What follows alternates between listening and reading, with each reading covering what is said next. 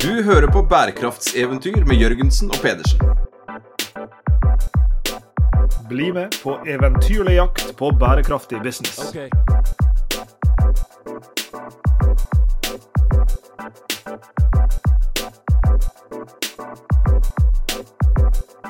I denne spesialepisoden av Bærekraftseventyr så skal vi gjøre noe vi har gjort før. Nemlig å reposte en samtale vi har vært med på i en annen podkastserie. Der hadde vi gleden av å snakke med Nancy Strand, som jobber i Avfall Norge, og har, er vel da podkastvert i deres egen podkast, Sirkuler. Ja, og som den tittelen tilsier, så handler jo selvfølgelig podkastserien Sirkuler i stor uh, utstrekning om sirkulærøkonomien. Og Det var jo bl.a. det Nancy uh, inviterte oss for å snakke om. Uh, snakke om nær sagt sirkulærøkonomi før og nå. Uh, Utviklinga fra kretsløpsøkonomi til sirkulærøkonomi. Vi snakker selvfølgelig veldig mye om avfallsbransjens plass i en sirkulær økonomi. Hvordan skal den bransjen se ut i en verden hvor vi ikke skal ha avfall? Hvilke typer innovasjon trengs, hvilke typer innovasjon skjer? Hva med digitaliseringa sin rolle oppi dette? her? Vi kommer inn på våre gamle venner i Carrot. Vi snakker grovt sagt Sveinung, om mye rart knytta til sirkulærøkonomi i denne samtalen med Nancy. Du, når jeg hører på deg, så er jeg veldig glad for at vi får lov til å dele den episoden her. Tusen takk til Avfall Norge for det. Og uten noe mer pump and circumstance, så tror jeg vi rett og slett setter over til denne episoden, som altså er en del av Avfall Norges podkastserie Sirkuler.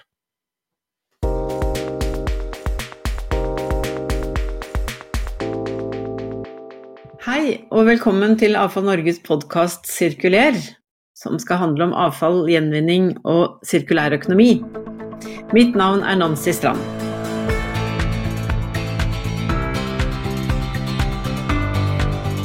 Og i dag så skal vi snakke om bærekraft og sirkulærøkonomi og forretningsmodeller og litt av hvert. Og med meg har jeg Sveinung Jørgensen og Lars Jakob Tysnes Pedersen fra Norges handelshøyskole. Mest kjent som Jørgensen og Pedersen. Velkommen til dere, Sveinung og Lars Jakob. Tusen takk. Tusen takk. Altså, dere presenterer dere som eventyrere, bærekraftseventyrere. Dere har jo podkasten Bærekraftseventyr med Jørgensen og Pedersen. Så hvordan begynte dette samarbeidet mellom dere? Ja, si det. Vi, det begynner å strekke seg snart to tiår tilbake igjen. Vi, vi, gikk jo og levde parallelle liv vi på Norges handelshøyskole som siviløkonomstudenter i sin tid.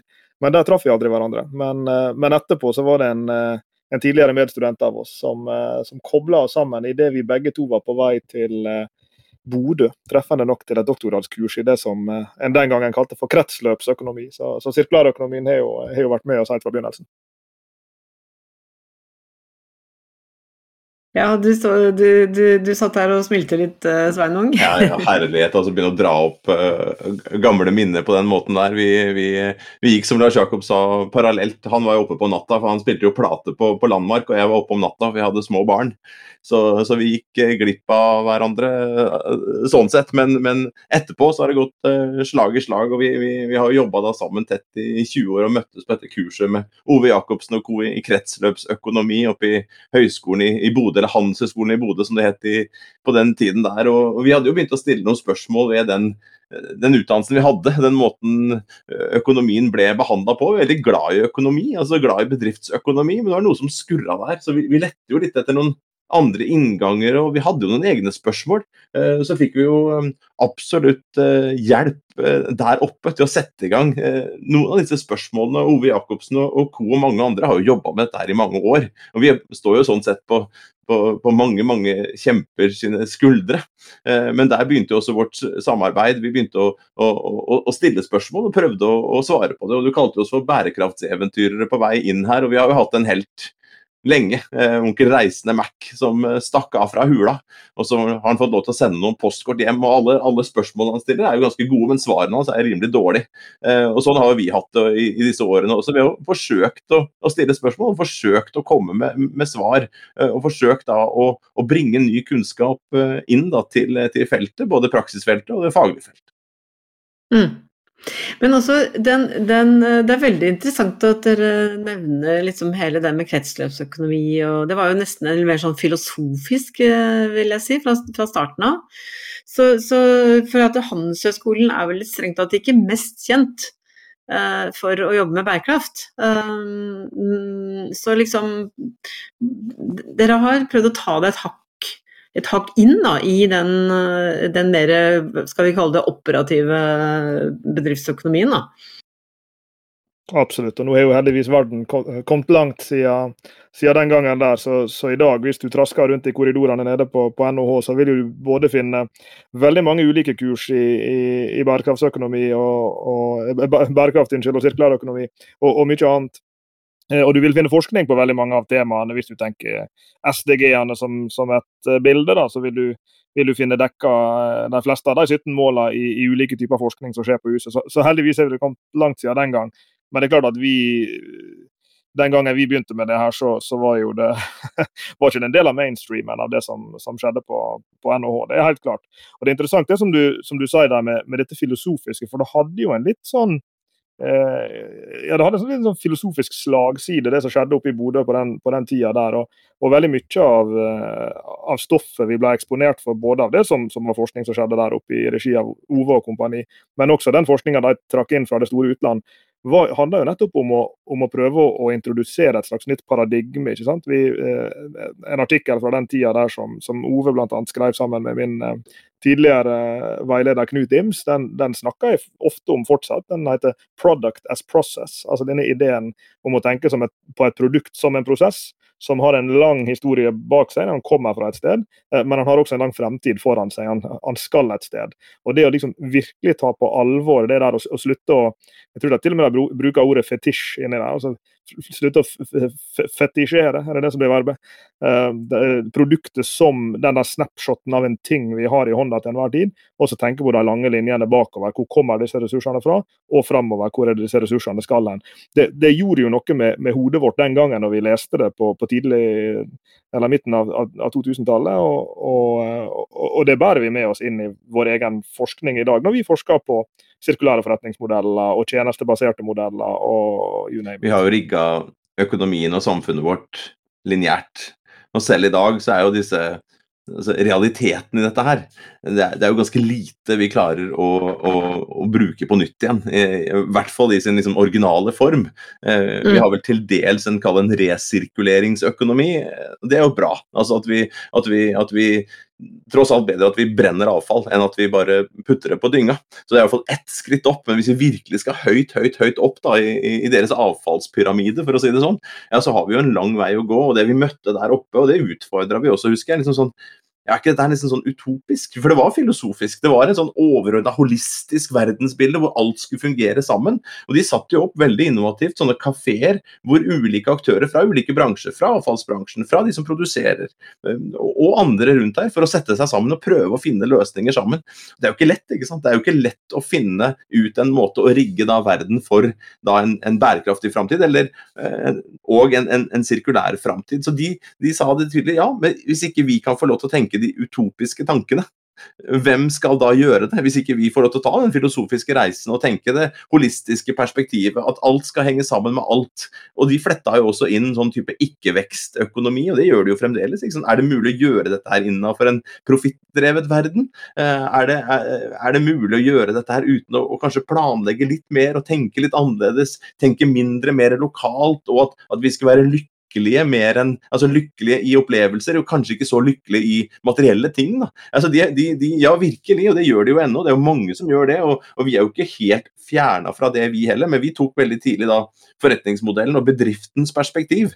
Så gitt dette her, hvordan var det den enkelte bedrift skulle da produsere for et langt liv? Hvordan skulle man produsere sånn at man både så historien bakover og historien fremover. Hvordan man kunne knytte sammen da bedrifter, men også hvordan man kunne knytte sammen bedrifter og, og andre organisasjoner, som kommuner, som ofte da har ansvaret da på, på, på, slutten av verdikjeden, som ikke skal bli en slutt, men som skal bli en ny start. Så, så, så vi, vi, er jo barn av det på et vis, men så har vi jobbet liksom veldig med bedriften og det bedriftsøkonomiske som et, som et utgangspunkt. Da. Ikke for at, vi, at, det er lett, eller at, at løsningene ligger helt klart i dagen, men det er liksom det som har vårt, vært vårt uh, ja, Det er det vi har tatt. Det er, det er den stafettpinnen vi har tatt, på et vis.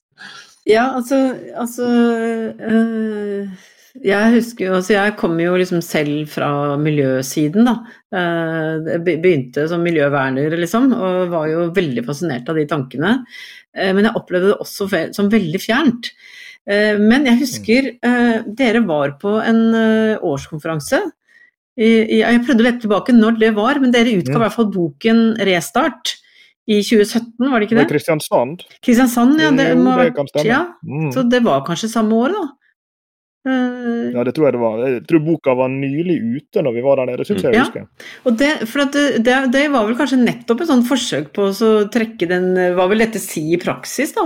For den var jo Da var dere veldig konkrete. Mm. Eh, jeg tror veldig mange Å ja, ikke sant. Ja. Veldig mange fikk noen aha-opplevelser når dere kom med det konseptet restart, og det var syv trinn, og det var veldig Hva tenker du om det i dag? Det skal jo sies at vi skrev da rett ut av doktorgradene våre, sånn i tolv omtrent, så begynte vi å skrive på en bok som het 'Ansvarlig og lønnsom'.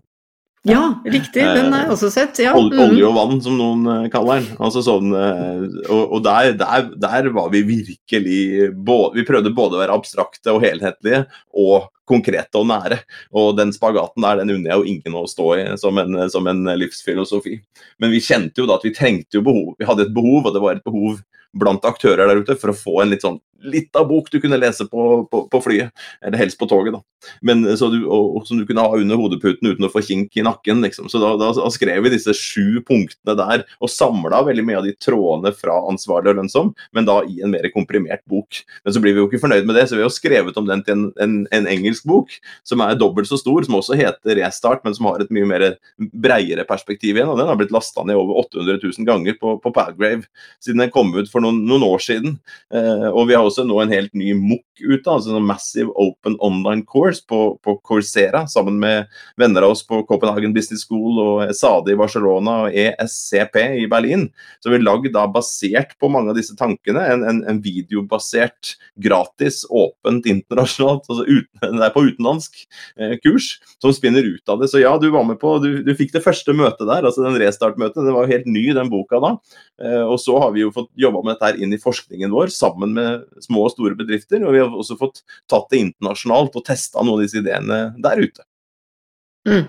Og jeg tror noe av det som uh, du er inne på det praktiske, altså vi, vi, vi, tok jo et bevisst grep tidlig, og vi, vi, var også heldige å få lov til å snike oss inn bak mange dører til bedrifter som på ulike måter lykkes med, eh, forsøkte å lykkes med dette. her.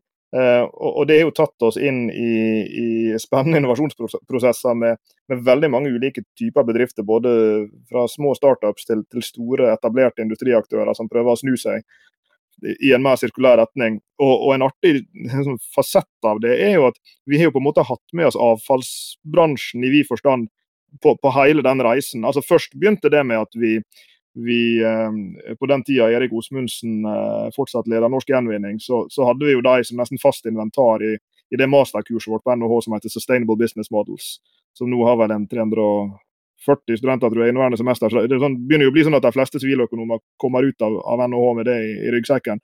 Og veldig mange av de har truffet både Erik og Thomas Mørk og, og andre fra Norsk Gjenvinning som har vært der og kjørt workshops med dem med, med liksom, avfallsnæringa som case, da, omstilling eh, mot en, en, mer, en, enda mer sirkulær økonomi også i den bransjen. Mm. Eh, men så har vi jo i tillegg sånn forskningsmessig Vi var tidlig eh, i kontakt med BIR, eh, som vi har jobba med, og som vi nå eh, forhåpentligvis snart faktisk får publisert et, et internasjonalt eh, forskningsartikkel med, på bakgrunn av, av, data fra BIR. vi har jobba med Carrot, som er jo en, en spin-off fra, fra BIR. Som, med avfallsteknologi. Så vi, vi har liksom hele tida hatt med oss denne bransjen på, på ulike måter i denne reisen. Eh, og så ser vi jo også at en del av de andre bedriftene vi jobber med, ja, vi jobber med Orkla ikke sant, på, på grønn innovasjon, hva handler det om? Jo, det handler jo om, om plastavtrykket og plastavfall. Hvordan redusere det ved hjelp av mer sirkulære forretningsmodeller. Så, så det er jo noe med den den næringa deres som, som, hele tida er, er, i kontakt med oss på den ene eller den, den mm. andre måten. Altså Det, som, det som, eh, som, jo slår meg gang på gang, det er jo fordi at avfallsbransjen er så konkret. Eh, så, så mm. når vi snakker om sirkulærøkonomi, så er vi jo på en måte veldig spesifikke på liksom, materialer og lukkede kretsløp og bruk av resirkulerte råvarer. Og, men vi opplever jo også at eh, når næringslivet, da, andre bedrifter For alle har jo avfall, og alle har med dette, denne tematikken å gjøre, men de blir litt omtrentlige. Mm. I sin omgang med det liksom begrepet. Ja, vi er sirkulære, og det er vi sånn og sånn. Og da sitter det ganske mm. mange fra avfallsbransjen og tenker det der er vel ikke egentlig sirkulærøkonomi. Altså, det blir en sånn veldig sånn mismatch mellom den veldig konkrete virkeligheten som man står i når man jobber med avfall og avfallsstrømmer, da, og eh, mm. næringslivet som skal begynne å containe dette begrepet sirkulærøkonomi. Så det, dere prøver å bygge bro på en måte, da. Mm. Bygge bro, og så prøver vi å bygge bro unna avfallsbransjen. da. Ideelt sett så vil jo dere Ideelt sett så finner dere på noe annet å gjøre etter hvert, ikke sant. Eh, så noen av de prosjektene vi har vært Lars Jakob nevnte, nevnte Orkla her. Eh, Bård som kom til oss for, for, noen år siden etter at den berømte plasthvalen stranda på, på Bård i tidligere Lilleborg og, og, og nå i, i, i, det selskapet Påfyll, da, som har sprunget ut av, av, dette prosjektet og ut av han og andre i, i teamet hans sitt, eh, sitt, eh, sitt arbeid. Da. Eh, og han kom jo med en serviett med en del modeller for ja, Plast var jo hovedproblemet. Og det er jo lett å tenke liksom, jo, den skal innom dere og så kunne den kanskje bli vasket og komme tilbake igjen, eller eh, ideelt sett bli lagd på en sånn måte at du perfekt kan bare ta den ut, shredde den eh, og, og, bruke den på nytt og på nytt og på nytt. Og på nytt. Og så har jeg liksom tenkt, ja, hvordan, er det noen mulig vei utenom dere? Eh, og den påfylløsninga som vi ser nå, er jo mer en sånn distribusjonsløsning hvor eh, beholdere som brukes igjen og igjen og igjen, kommer hjem til folk gjennom de samme som leverer avisa. Og så har den blitt digital, sånn at du da kan eh, koble deg til, eh, til, til brukeren, kunden, på en annen måte. Og så er det beholdere som da brukes på nytt og på nytt og på nytt. Og på nytt og på nytt. Og på den måten så kommer jo dere aldri inn i bildet, ikke sant. Så én ting er jo alle de inkrementelle eller små forbedringene som må til. Altså på, alle sitter jo et rom her full av duppeditter. Om det er eh, det ene eller andre eller tredje eller fjerde, så, så vil det jo mest sannsynlig havne hos dere eh, på, et eller annet tidspunkt. Og mest sannsynlig så vil det havne hos dere i en sånn form at det ikke kan kanskje til og med gjenvinnes, og i hvert fall ikke gjenbrukes. Så, hvordan, så når vi jobber med bedriftene, så, så ok, det, vi, må ta, vi, må håndtere det. Altså, vi må håndtere at det mest sannsynlig kommer til, kall det dere, da, et eller annet tidspunkt. Men hvordan er det vi kan tenke helt nytt om forretningsmodellene, sånn at vi kan få disse produktene til å vare lenger. ikke sant? Strekke ut levetiden. Og hvordan er det vi kan uh, gjøre sånn at etter at den da er ferdig hos én kunde, kan bli brukt på nytt og på nytt. Men dette her er jo en stor utfordring. ikke sant? Dette her er jo kjempevanskelig i praksis, men det er jo litt av den utopiske verden, da, tilbake til den sånn, litt sånn semifilosofiske, uh, hvor vi prøver å gjøre det konkret, men vi prøver da sammen med bedrifter, sammen med flinke folk i mange mange, mange bransjer eh, og se ok, hva er problemet dere skaper, og hvordan er det man kan løse det på en sånn måte at man kan få strukket ut levetiden, brukt ting, ting, på nytt, lagd det på en sånn måte at det, at det, går an å ta fra hverandre. At det går an å, for dere da å sitte der med de 17 ulike typer plast som dere har nå, eller er det 23 ulike typer plasttyper som dere da skal forsøke å, å finne ut av hvordan man kan ta det inn igjen i, i sirkelen. da. Så vi har jo en mm. svær jobb å gjøre globalt. En stor jobb å gjøre lokalt i, i Norge. Og det er en kjempejobb å få alle typer bedrifter eh, der ute eh, til å, å, å, gjøre dette konkret i praksis. Det kreves kunnskap, og det kreves dessverre tid. Altså, vi, vi, vi, har jo ikke tid, men det kreves tid, det kreves kunnskap, det kreves store investeringer. Eh, og, så barrierer er det jo i fleng, men, men det vi forsøker å skrive disse postkortene om. da, Apropos onkel Reisende Mac, liksom, som har vært der ute. Prøver å, å, formidle, da, prøver å jobbe sammen med kollegaer eh, fra ulike, med ulike fagretninger og, og, sammen med ulike typer praktikere fra bedrifter og fra andre typer virksomheter. er liksom, ok, Hvilke andre alternativer uh, finnes her uh, for, å, mm. for, å, holde dere utafor? Men, men, vi har ikke, vi har ikke vi er, Jeg tror dere ja. vil finnes lenge, for å si det sånn. Men det er jo et, eh, det er kanskje også litt filosofisk spørsmål. for altså, Du avslutter jo veldig vennlig med å si at ja, men dere har en plass i dette veldig lenge. Men man kan jo tenke seg, blir avfallsbransjen overflødig da, i en ideell sirkulær økonomi? Blir man den, den, hvis dere har, sett, dere har selvfølgelig sett den der figuren til Ellen MacArt Foundation med alle disse sirklene. Mm, mm. Og nederst i den så mm. står det liksom sink, og der er det liksom det er energi, eh, energy recovery, og så er det, det liksom landfill til slutt. Det er liksom Så, så ja. Er, blir avfallsbransjen helt overflødig, eller kan man tenke seg at den også må liksom re, den må også restarte sin egen rolle, da? Jeg tror hvis vi, La, la oss bare ta, ta tankespranget. da. Ja, Vi har lykkes med å få til den der, eller vi er ganske nær å få til den sommerfuglen. Ja, verden ser nesten, nesten helt sirkulær ut.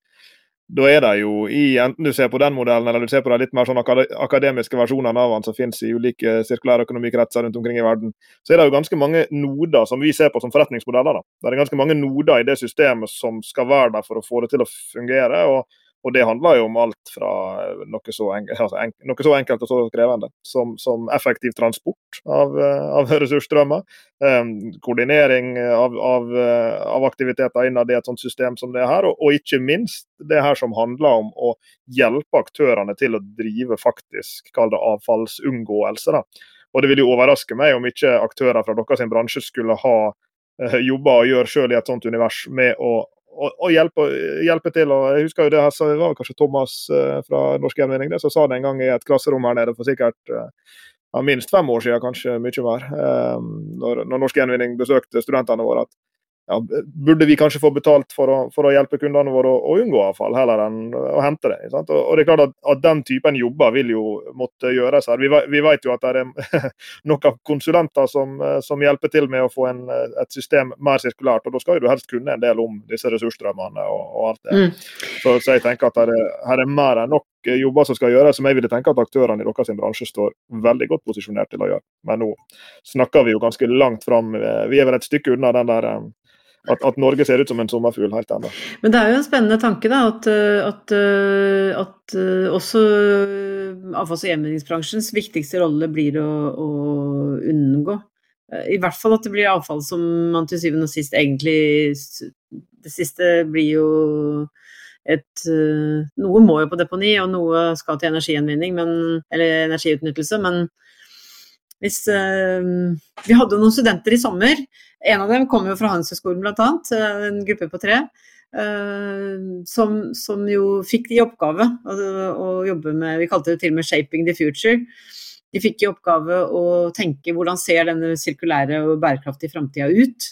Og hva blir rollen til avfallsbransjen? Og det var en av deres uh, tanker også. At man kan bli, går over i en mer sånn rådgivende rolle fordi at man sitter på veldig mye kompetanse om, om materialer og det, si, ja, det veldig konkrete og fysiske. Da. Du nevnte, nevnte, nevnte, Carrot, det er jo ett eksempel. Det er jo mange, mange sånne typer selskaper nå som, som, som, som, ser liksom dataene, kunnskapen om ressursene. Resourcer, f.eks., som vi har hatt uh, kontakt med, som, som, uh, bare, bare, det å kartlegge alle de ressursene som finnes. De har jo jobbet da med liksom de bio, biologiske. Kall det avfall, men det er jo ikke avfall. Det bør jo ikke være avfall. ikke sant? Myse fra melkeproduksjon eller altså, det er jo så mange ting. Um, så, så, den type roller, da, det er også det på datasiden, det å opprettholde verdien i disse ressursene så det ikke blir avfall. Ikke? Så vi vet hva det er, hvor det er. Um, det å jobbe sammen med aktører. Vi har vært eh, involvert med f.eks. Wow, som, som, som jobber med ulike typer typer pyrolysevarianter, ikke sant, som er på jakt etter biologisk eh, avfalls... Eh, og ser liksom på gassmarkedet i Europa nå, ikke sant. Vi vet jo priser på det. Er det noe som på en måte kan og bør brukes, og hvordan skalere det opp sånn at det blir da eh, både økonomisk lønnsomt, men også som har en, en, en reell miljøgevinst. da. Så det er mange mange, mange, mange aktører som, som er tilstøtende og som hører hjemme eh, i, i, i, i, deres bransje. Eh, nå hadde jeg to møter. Jeg hadde dobbeltbooka meg nå eh, med, med, deg her nå. Eh, jeg er veldig glad for at jeg fikk til det. Og så har jeg veldig gode kollegaer på, på Høgskolen Innlandet som nå sitter med Glør, som er som Gaustad, Lillehammer og, og Øyer. Eh, og sammen med Carrot, og som skal gå videre på prosjekter her. og Det er jo knytta til, til, større bygg og, og, og sortering og, og, sånne ting. Og det der samarbeidene på tvers, og at deres bransje vil bygge opp en enorm kunnskap her, og har kunnskap fra før, men får også en ny kunnskap nå, nye partnere, og, kan på en måte være en rådgivende eh, aktør, da, sammen med både isolert sett altså i, på hjemmebane hos dere selv, men også utafor gjerdet sammen med andre aktører. Da tror, tror, jeg også, Hvis jeg kan legge til en ting Jeg tror jo at, at det blir um, Som med alle ting, så er det nok en lavthengende frukt der en kan begynne. Og nær sagt, uh, sagt veldig enkelt, altså, å begynne å hive glasset i glasskonteineren og plasten i plastkonteineren, det hjelper jo at, at vi begynner der. Uh, men så er jo Sveinung inne på, på mer kall det kunnskapskrevende prosesser da, som, som, aktører i deres bransje vil være veldig godt posisjonert til, og, og ikke bare være posisjonert til, men vil, vil trenges til. Uh, ta et helt konkret eksempel. Vi, vi, har vært inne i fire-fem måneder nå med et kompetansehevingsprogram for sjømatnæringa på, på sirkulærøkonomi. Uh, og Der prøver en jo, av, av åpenbare grunner som, som, har med miljøbelastninger i, i akvakultur, så, så, prøver en jo å, å, bli mer sirkulære. Og det er selvfølgelig en økonomisk side ved det også. Og Et av prosjektene som vi, som vi kikker nærmere på, er jo et prosjekt hvor bl.a. Ragn-Sells havbruk er med. Eh, hvor de henter opp slam fra, fra fiskemarden ute i Osterfjorden, eh, utenfor her som jeg bor. Eh, og, og da viste de da prosessene hvor de henta ut fosforet. Men det er ikke bare fosfor, det er to ulike typer fosfor. Eh, rent og skittent og ja, hva vet jeg. Eh, det, det var nitrogenet og det var nær sagt alle, alle, de ulike komponentene i dette slammet, som for oss ser jo bare ut som, som en slags brun sjokoladesaus. ikke sant? Altså, så skal jo en eller annen, da, hvis dette skal bli fullt sirkulært, ja, da skal noen klare å skille ut alle de forsøksvis rene ressursstrømmene som du kan få ut av det der.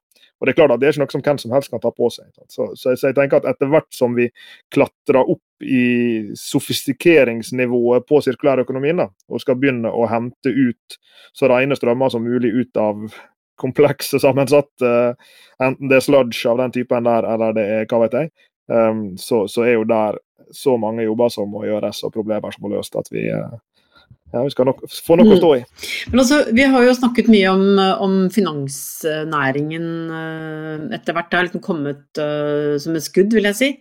Uh, investorenes rolle, og vi fikk taksonomien fra EU. Og, så, så, hvilken rolle tror dere investorene og investeringsmiljøene kommer til å spille i denne transformasjonen? De, de, spiller jo allerede en stor rolle, kan du si, men, men, det kommer vel enda mer. Taksonomien har jo begynt å få tenner, og det ser vi jo. Eh, og Vi ser jo, altså vi, vi, har gleden av å jobbe med, med, finansbransjen på mange ulike måter og i ulike fora.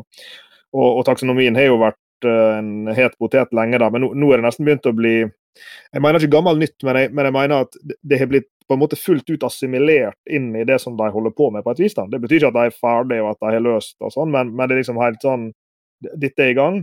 Men, men, fortsatt så ser vi jo ikke eh, helt konsekvensene ennå. Sirkulærøkonomi er jo et av områdene i taksonomien som, som fortsatt er mindre utvikla, kan du si, da, på, fra regulatorisk hold.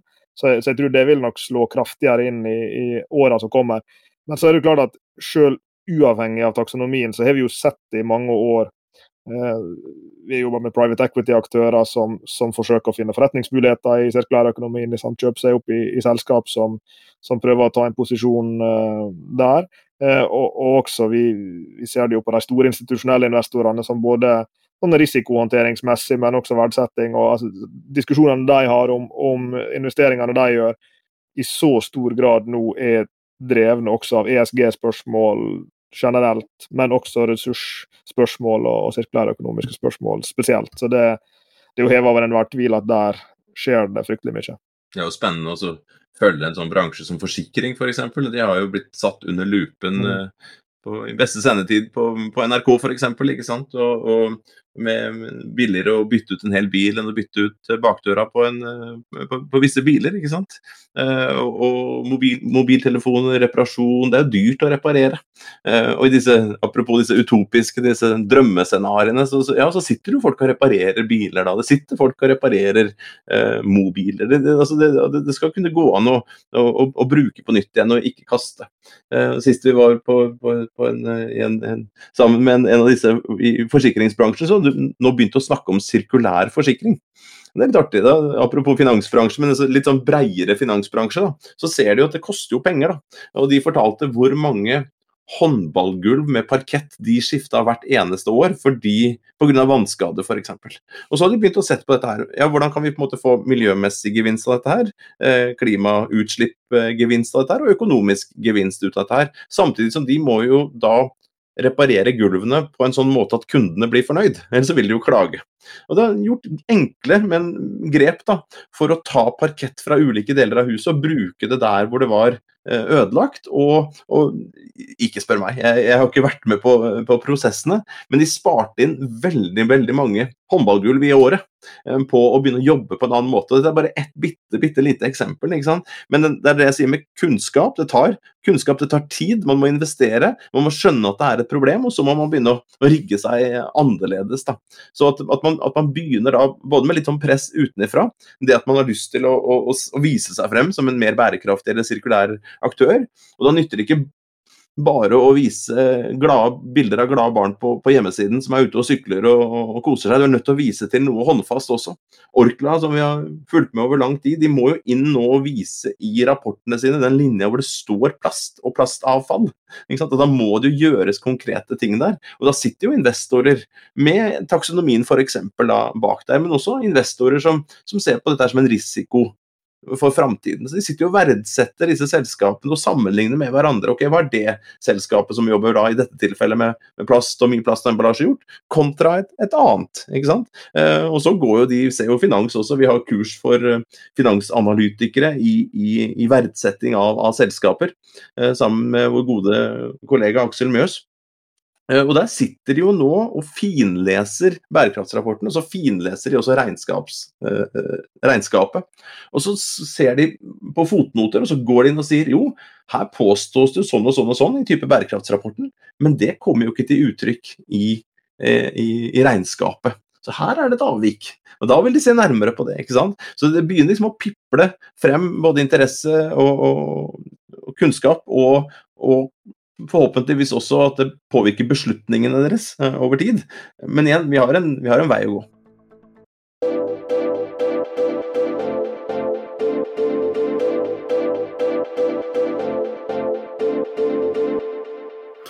Altså, AFA Norge hadde jo sin årskonferanse nylig, og der var dette med investeringer og innovasjon et, eh, et tema. Og det, et eh, spørsmål som jeg syns er interessant, det er liksom hva er det som driver Eh, dette fremover, da? Er det rammevilkår og på en måte varsel om rammevilkår? og vi, vi, snakker masse om alt som kommer fra EU, og de på miljøsiden kaller det en tsunami av nye regler og direktiver osv. som flommer innover oss også.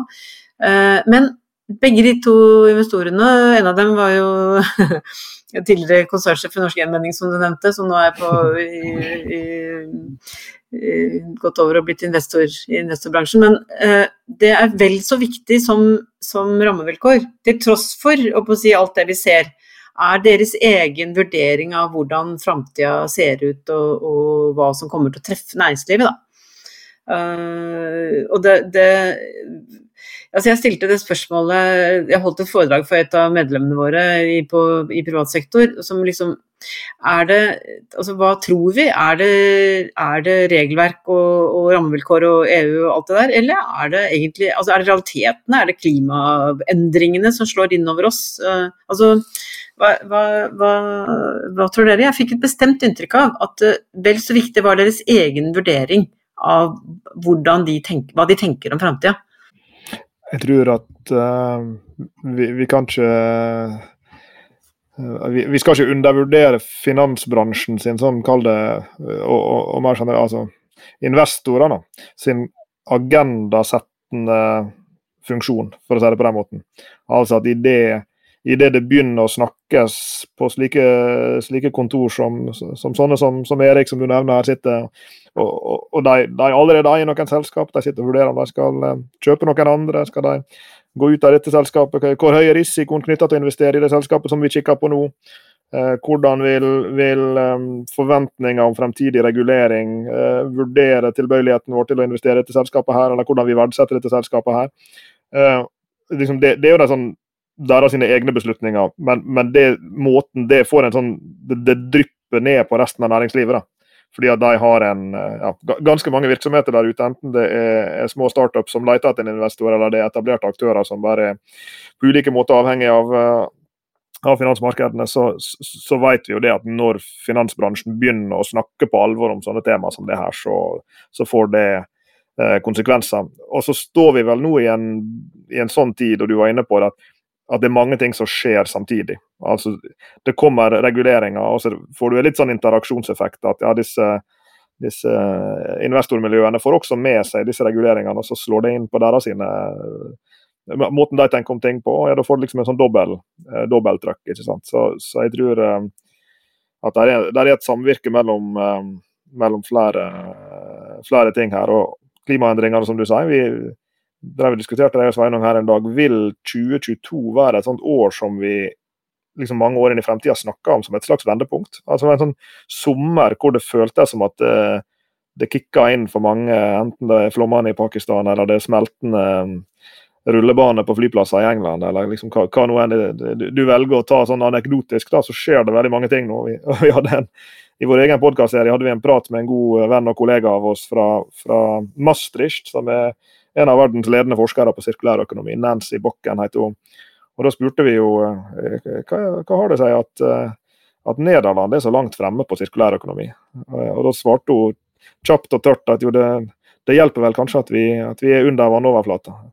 Og, og, det er klart at, at, Virkeligheten kommer jo til slutt og å bite oss. og det, Kanskje er det der vi er nå. og Kanskje, kanskje har det en litt sånn katalyserende Men, men samtidig, ikke sant. Hvis og når virkeligheten biter oss, hva slags type løsninger vil vi velge? Uh, og Vi går jo der, mm. i, det livet vårt, da, over to tiår med sirkulærøkonomi og bærekraft, så går vi liksom fra å ligge under, under, under pulten i fosterstilling, ikke sant, uh, lettere depressive, til uh, å, å, stå opp og tenke åh, nå, nå, er det en bevegelse her. ikke sant. og når, og, når, disse krisene inntreffer, da, tenker på, på, på kraftkrise nå, ikke sant, krig, ressursknapphet, er det nødvendigvis at man liksom åh, nå er det knapt med ressurser, la oss dele med naboen. Ikke sant? Eller er det der Oi, nå er det knapt med ressurser. Eh, England nå? Eh, Storbritannia? Nei, nå skal de åpne for fracking igjen. Altså oljeproduksjon på, på måter som vi prøver å, å, å, slutte med. Og så skal de åpne for, for mer oljeproduksjon i, i, i, Nordsjøen. Flere løyver, ikke sant. Altså sånn, eh, så, så, så hvilke type valg er det vi gjør nå?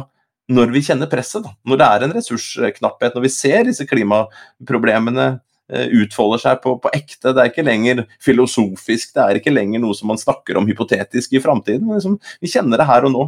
Så hva slags type løsninger vil verdenssamfunnet ta? Og, og hva slags type løsninger vil man ta på nasjonalt og, og, og bedriftsnivå? Da, og individuelt nivå? Eh, vil man på en måte karre til seg selv og, klare seg så, så, så, godt det er? Eller vil man tenke f.eks. sirkulært da, at jo, nå må vi jammen samarbeide her, og nå må vi tenke på tvers av verdikjeden. Vi kan ikke bare tenke på oss selv. Og etterpå så kan jo det dette blir avfall. Um, så, så, så, så, det er jo sånn spennende, spennende, å se, prøve å se inn, inn i glasskula her om, om dette vil føre til et mer sirkulært samfunn, da. eller om man faktisk da vil på en måte tenke at de andre får, får, får, får prøve å løse de problemene eh, de har. Vi har jaggu nok problemer her eh, som det er, så vi får fortsette um, um, det vi vet, i hvert fall på kort sikt, er, er, er lønnsomt og effektivt. Eh, og så får det bli litt sånn sideprosjekter, å tenke litt sånn alternative løsninger for gjenbruk, og man skal ikke eie egen bil og ikke egen drill. og, og altså det, er mye sånn, så, så det er jo det er spennende, spennende å, å, følge med på hva som skjer nå nå, og, så, og se hvordan dette utvikler seg fremover. Da, vi, vi, altså jeg føler jo litt at uh, den ene veien er en uh, altså, Det er jo en del kom, altså komplekse prosesser, og, og, det er jo ikke lett å gjøre dette her i praksis. Spesielt ikke når du skal kombinere det med et lønnsomt næringsliv. altså men det føler jo litt når du snakker nå, så tenker jeg at oh, alternativet er jo en slags dystopi, da over en sånn eh, verden hvor vi egentlig blir sittende i hver vår krok og tenke vi får bare klare oss som best vi kan. Vi ser jo noen elementer av det. Det blir jo litt Da kjenner i hvert fall jeg at jeg blir øh, øh, Ja. Mm, da må man liksom ta seg litt etter nakken og si kom igjen, vi, vi tror på løsningene her. Er, uh, så, så, men jeg vet uh, Det er jo noe med timing og, og, og klare å gjøre dette Jeg syns jo det er veldig interessant. Jeg har jo på en måte selv den, liksom, den der første gangen man liksom tenkte at dette her kan jo ikke gå uten at det blir lønnsomhet. Altså man må finne måte noen veier å gå fram og skape et lønnsomt næringsliv basert på disse tankene. Men lett er det ikke. Og timingen er liksom hva, hva, hva tenker dere om Er vi liksom der Du nevnte risiko, Lars Jakob. Altså er, jeg opplever at timingen kanskje er den største risikoen. Da. Man kan være for tidlig ute, eller man selvfølgelig kan jo komme i bakleksa fordi verden går forbi en. Men kanskje Jeg opplever vel at så lenge jeg har drevet med dette her, så har tidlig timing vært en større utfordring for næringslivet enn omvendt. Mm. Og så tror jeg det er timing på, eller det er tidsdimensjonen på to måter. For det ene er sånn timing eh, Det finnes jo ting hvor det er first mover advantages, og så er det ting hvor det er first mover disadvantages. Og, og, det er klart at, at, Hvis du investerer for tungt i noe som, som forutsetter en økonomi som ser annerledes, så, kommer ikke de andre etter. Så, så, er det klart at, at det, det, er en veldig stor risiko knytta til det. Men det er en annen tidsdimensjon her som jeg er opptatt av. og det er sånn i, i, i, eh, i forskningslitteraturen på, på, bærekraft så har de alltid brukt dette ordet 'sustainability transitions'. Uh, og Det merker jeg det, det, begrepet bruker jeg mer og mer sjøl. Altså den her overgangen fra noe til noe annet. Og en, og en sånn overgang den, den, tar tid. Og så vil han også i mange tilfeller måtte avhjelpes på ulike måter. Dette er det masse diskusjoner rundt. altså Trenger vi subsidier for å få fram de mer sirkulære løsningene? Svenskene gir eh, momsfritak på, på eh, på reparasjon, på samme måten som vi har gjort det veldig fordelaktig å, å velge elbil her til lands. ikke sant? Eh, og, og, og, jeg tror den der, hvordan skal vi altså hvordan skal vi avhjelpe liksom, de aktørene som prøver å komme seg fra A til B her? da? Eh, og hvor lang tid skal det ta?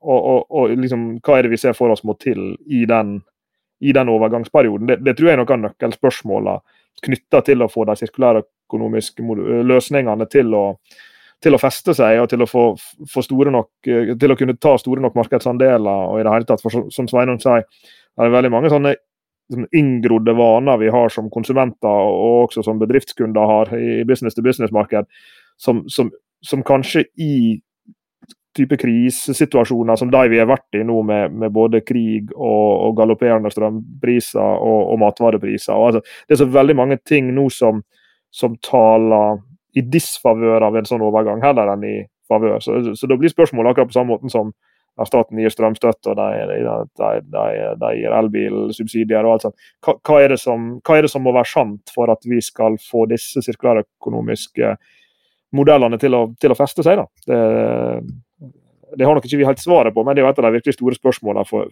nettopp fordi, som du innleder med å si i samtalen, at dette, her er jo et, dette er jo et system. At dette er ikke noe som én aktør Jo da, du kan gå fra å være mindre sirkulær til å bli mer sirkulær, men men for at de virkelig sirkulærøkonomiske forretningsmodellene skal bli lønnsomme, og kanskje til og med mer lønnsomme enn en eksisterende lineære forretningsmodeller, ja, det fordrer jo også at systemet som sådan blir mer, eh, blir mer sirkulært, og at hele liksom, økosystemet som den forretningsmodellen eksisterer innenfor, også blir, eh, blir mer sirkulært. Så det er et eh, stort lerret å bleke. Vi er jo med på en, en, en, startup sammen med gode venner av oss i, i, i bergensområdet. Arkitekter i Will og, og kloke tenkere i, i, i Will Der. Eh, og, og oljeing, gamle oljeingeniører, ikke så gamle, altså, men de er oljeingeniører som har jobbet lenge i, i bransjen, advokater og, og oss. da som har startet et selskap som heter Nordic Circles. Og, og, vår idé er jo å gjenbruke stål fra oljerigger og skip eh, i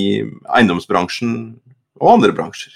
Nå har vi vært med på dette prosjektet en tre-fire år, og vi sitter nå en, med, med, en søknad til, til, til, Forskningsrådet sammen med andre aktører her, for å se liksom, hvordan kan man ta dette videre, hvordan kan man bygge en industri på dette her.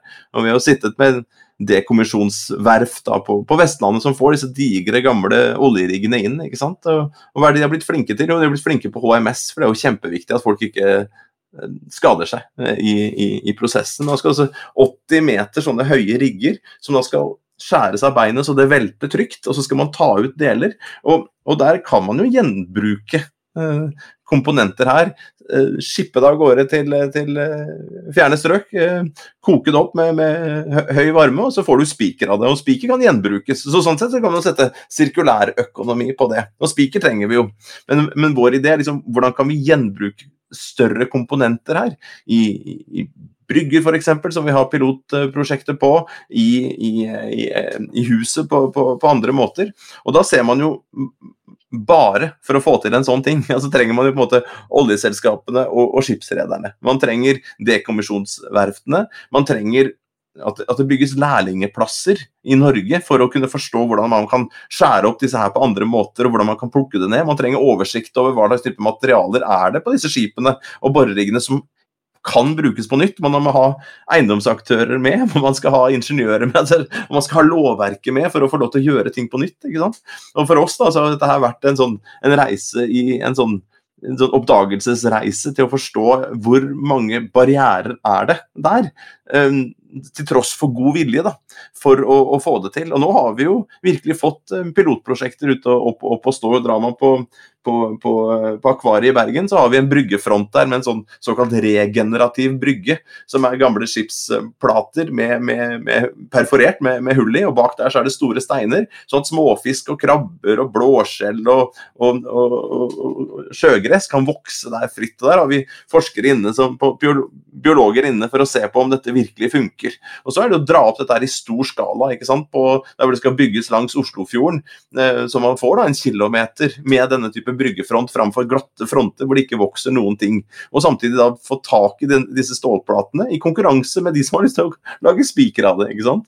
Så vi, vi, vi, får virkelig vært med på disse her prosessene og sett hva, hva er det som må være sant. Og det er så mange ting som må bli sant. Og så må man jobbe da, man jobbe steg for steg med, med lage piloter, få med aktører, hente finansiering til dette her, eh, og så få dette her til å, å leve. Da. Eh, og I verste fall så blir jo bare dumpa. Man kutter det ene beinet og dumper det ute i, ut i Nordsjøen, og så det, kan det jo bli et fiskehotell det også, uti der, ikke sant, bevares. Men samtidig, hvordan er det vi kan få dette her inn i sommerfuglen? Hvordan er det vi kan få så at vi kan bruke det på nytt og på nytt og på nytt og på nytt, helt nederst, rett før det faller ned til dere, hadde jeg sagt. Hvordan kan vi få til disse kaskadene, sånn at man kan gjenbruke disse produktene uten å måtte smelte dem til noe annet? da. Men, eh, men eh, det, er, det, er, eh, det, er, mange bøyger der, og det, det, er behagelig å gå utenom. Men hvordan liksom gå til angrep på den der bøygen og finne, finne løsninger.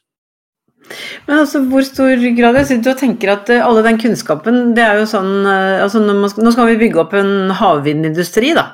Den, på hvilken måte kan den kunnskapen som dere erverver dere i, i dette caset, komme til nytte når man faktisk skal si, designe en hel havvindindustri fra starten av, på en måte? Da, da kan du liksom virkelig begynne å tenke altså, sirkulære forretningsmodeller helt fra starten av. Da, da kan vi få noen dimensjoner her, syns jeg. Det, det, er klart at det er noe med det at, at sirkulærøkonomien per i dag som, altså, som, som prosjekt, den, den starta jo med en ulempe fordi at så mange ting ikke har vært designa for å bli oppsirkulert. Og det er jo virkelig sant for disse gigantiske høykvalitets stålinstallasjonene som en oljerigg f.eks. Det er jo det absolutt høyeste verdi av stål og glass og elektronikk og liksom you name it. Goldplating kaller de det for. Alt er jo laga av aller beste typer ressurser. Eh, men det var ikke sånn at en bygde det den gangen med den hensikt at en skulle plukke dem fra hverandre en gang, fordi det er så høykvalitetsstål at vi må bruke det igjen. Men forhåpentligvis er det jo slik at når en nå bygger opp nye industrier, f.eks. havvind, så, så, har en det perspektivet med seg fra starten av. og Vi hadde faktisk en uh, executive student i executive-programmet vårt i fjor som, som skrev oppgave om det der med altså potensialet for sirkulære forretningsmodeller i havvindindustrien. Uh, ja, det var vel generelt vindindustrien, faktisk, men, men, men også havvind. Og, og, forhåpentligvis så er vi jo nå smartere når vi bygger opp de nye industriene slik at de er designa for å være sirkulære fra, fra starten. Ja, ikke sant. Men altså, jeg tenker Innen avfallsbransjen så snakkes det veldig mye om offentlig-privat samarbeid. Altså at eh, man, man, er avhengig av å finne konstellasjoner, da. Både for å ta ned risiko, men også for å faktisk få ting til å skje. Og, og mye av kunnskapen sitter jo faktisk de, hos de offentlige aktørene. Ikke bare, men mye. Eh, men, men, eh, jeg er litt usikker på Det er OPS, det er liksom et eh, fint ord, men jeg er litt usikker på om, om vi har liksom fått det til å svinge litt sånn, i litt størrelsesorden i praksis. Da. Er det liksom et element i det som dere jobber med?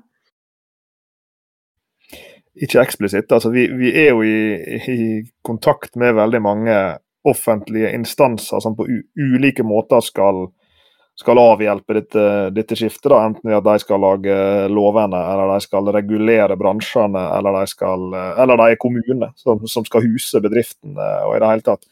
Eh, vi har ikke hatt veldig mye vi, har ikke hatt veldig mye med sånne OPS-prosjekt å, å, gjøre, men det, men det, er klart at det er vel med den typen samarbeid og allianser og konstellasjoner som med alle andre, at for at de skal fungere, så skal de i en viss forstand fungere for alle aktørene i, i, i konstellasjonen. Og Vi var jo uh, akkurat ute og, og, og sparra med en bransje her nå som hadde lyst til å lage en såkalt industriell symbiose. ikke sant? Så en sånn lokal sirkulærøkonomisk eh, næringspark og vel så det. Og Da er det den samme diskusjonen. Altså, hva er det som skal få denne konstellasjonen av aktører til å ønske å drive business sammen over tid? Hva er det som skal insentivere alle til å ta del, til å ta risiko, til å dele informasjon, dele ressurser? Eh, og, og, samarbeid er jo vanskelig, det, det vet vi. Det er bare å gå inn i en fjerde klasse på en barneskole og se de prøve å, å, samarbeide sammen. Og, det er like vanskelig for oss voksne når vi, når vi er i, i, i, næringslivet eller vi er i offentlig sektor, eller hvor det, hvor det enn er. En skal liksom lage samarbeidsrelasjoner og konstellasjoner som skal komme opp og gå. Det er vanskelig nok i seg sjøl, og så skal de vare over tid også. Og, det tror jeg er eh, Ref bærekraftsmål nummer 17, dette med samarbeid. Sirkulærøkonomien, den, den vil jo, altså Samarbeid vil jo måtte være et slags oksygen for sirkulærøkonomien skal en lykkes eh, med det, enten det er innad i bransjer, på tvers av bransjer eller på tvers av næringsliv og offentlig, så, så vil en være helt avhengig av å få, få de, um, de samarbeidsrelasjonene til å fungere. Jeg syns du er litt beskjeden nå, Lars Jakob. Og det kler deg jo ikke. For det, en ting er, nei, Vi jobber ikke så mye med sånn OPS, at det er overskriften, men du er inne på klyngene her. Uh, og Sjøl så sitter du jo i styret i Vinmonopolet. Om det er direkte OPS, altså det er jo eid av, av eh, et uh, sosial- og helsedepartementet. En eller husker ikke akkurat det, hva det departementet heter akkurat nå, men det er jo eid derfra. Uh, og man ser jo hele tiden hvor det offentlige på et eller annet måte møter det private, møter det frivillige, eh, ikke minst inn i sosialt entreprenørskap f.eks., hvor, hvor, hvor man ikke klarer å, å, dra disse små startupene på hvor man tar ungdom som faller utenfra, hvis man ikke har støtte fra Nav f.eks., ikke har støtte på, på, på ulike måter. Eh, poenget mitt er at den, det, det kreves jo her som Lars Jakob er inne på på slutten av resonnementet sitt, altså kreves det jo samarbeid på tvers her. Og, og ser man på EU, vi snakket om taksonomien her, så, så, kan man jo tolke EUs taksonomier og grønne skift som en måte at EU skjønner at vi er jaggu avhengig av andre regioner i verden for å få råvarer. Så vi er nødt til å begynne å, å, å, hente ut mobiltelefonene i skuffer og skap og finne gull og finne alt det som er der ute og bruke det på nytt igjen. Vi kan ikke sitte under hæren på, på, på, på, andre, så det må vi klare selv. Så Det er på en måte en offentlig start. og så kommer jo, ja, For å få til det, ja, da kreves det det private, og det kreves helt ned på individet. Og det kreves da ulike former for samarbeid eh, på tvers. Eh, og, og, Du spurte oss nå om noen, noen måneder, vi har akkurat begynt et, et, et kurs for, for statsforvalteren.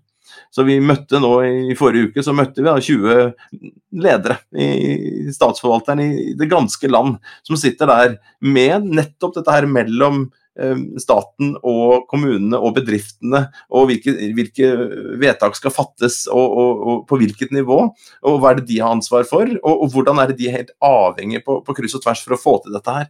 Så, så, så, så en del av den derre den, den suppa, den boksen med ormer, som vi, can of worms, som vi, som vi åpna for 20 år siden. Der er jo det offentlige, der er det private, der er det frivillige. Der er det folk som oss tre. Eh, som skal ta valg i, i, hverdagen. Og dette her er jo fletta sammen på, på, mange mange flere måter enn det vi har fantasi til å forstå. Mm. Altså, jeg må spørre dere, fordi det kom opp et veldig eh, spennende spørsmål, uh, eh, syns jeg, på, på vår nevnte årskonferanse. Og det var dette med den overgangen fra verk eh, til, til si, eh, kommersielle bedrifter, altså Televerket og E-verket. Og, er det noe avfallsbransjen kan lære av den, av den omstillingen der? Er det, det for det var jo, for oss som har levd en stund, så var jo liksom Televerket Det var liksom Det var en ganske annerledes måte å tenke telefon på, for å si det sånn. Eh, for å si det mildt. Så er det noe vi kan, eh, er det noe vi kan ta med oss fra, fra, vi, fra, fra liksom ting vi har gjort og lykkes med, vil jeg vel si? Jeg tror det som, ja, jeg tror det som det handler om i stor grad, det er jo, eller en av tingene det handler om, det er jo å altså bevisstheten rundt forretningsmodeller. Og det er klart, Nå, snakker jeg det språket som er fra vår salmebok, da. Men, men, det er klart at hvis du følger veien fra Televerket til Telenor og fra, fra andre, andre, verk til, til de liksom, private aktørene som, som har erstatta dem, i, i, vår tid så har det vært en, en overgang til, altså fra at du, du, leverer et eller annet som er generisk, til at du begynner å tenke ja, hvordan pakke forretningsmodeller rundt det at dette problemet skal løses for noen. Enten det er telekommunikasjon, det er strøm, det er avfallshåndtering eller hva det er. Hvordan tenker jeg at dette her er et utgangspunkt for innovasjon, for å øke kundeverdien til de kundene det gjelder, eller brukerne det gjelder. Uh, og, og, at det, det, betyr at vi kan innovere betalingsmodellene våre for å få ta betalt på andre måter. Vi kan pakke andre tjenester utapå det for, for, å øke delen av kaka vi er relevant for å, for å, for å spise av. Uh, det er vel den store greia, sånn, sånn jeg ser det, som, som, som, vi kan lære av det. Altså. Tenk, tenk, tenk, forretningsmodell og, og driv forretningsmodellinnovasjon. Det er jo uh, kortversjonen. Eh, eh, dere, Sveining og Lars Jakob, da må jeg bare si tusen takk for en kjempespennende samtale. Takk for eh, alle de gode eksemplene og tankene som dere har delt. Takk i like måte. tusen takk for oss, det var veldig kjekt. Og, og eh, spennende at vi fikk dekka så mye landskap både innenfor din bransje og, og utafor. Samtidig så føler jeg at vi har litt mer å prate om nå, så jeg tror jammen vi må plukke opp den tråden her igjen seinere. Da kan det hende at det blir flere episoder, så da takker vi bare til alle som har hørt på i dag. Og eh, vi takker til vår produsent Håkon Bratland. Og vi høres rett og slett igjen. Ha det bra. Du har hørt på Bærekraftseventyr med Jørgensen og Pedersen. Send e-post til eventyrkrøllalfa.jorgensenpedersen.no for å stille spørsmål eller komme med forslag til tema for fremtidige episoder. Og besøk jorgensenpedersen.no for mer informasjon om denne podkastserien. Okay. Derfra kan du også fortsette samtalen med oss i sosiale medier på Twitter, Facebook, LinkedIn, YouTube og andre steder.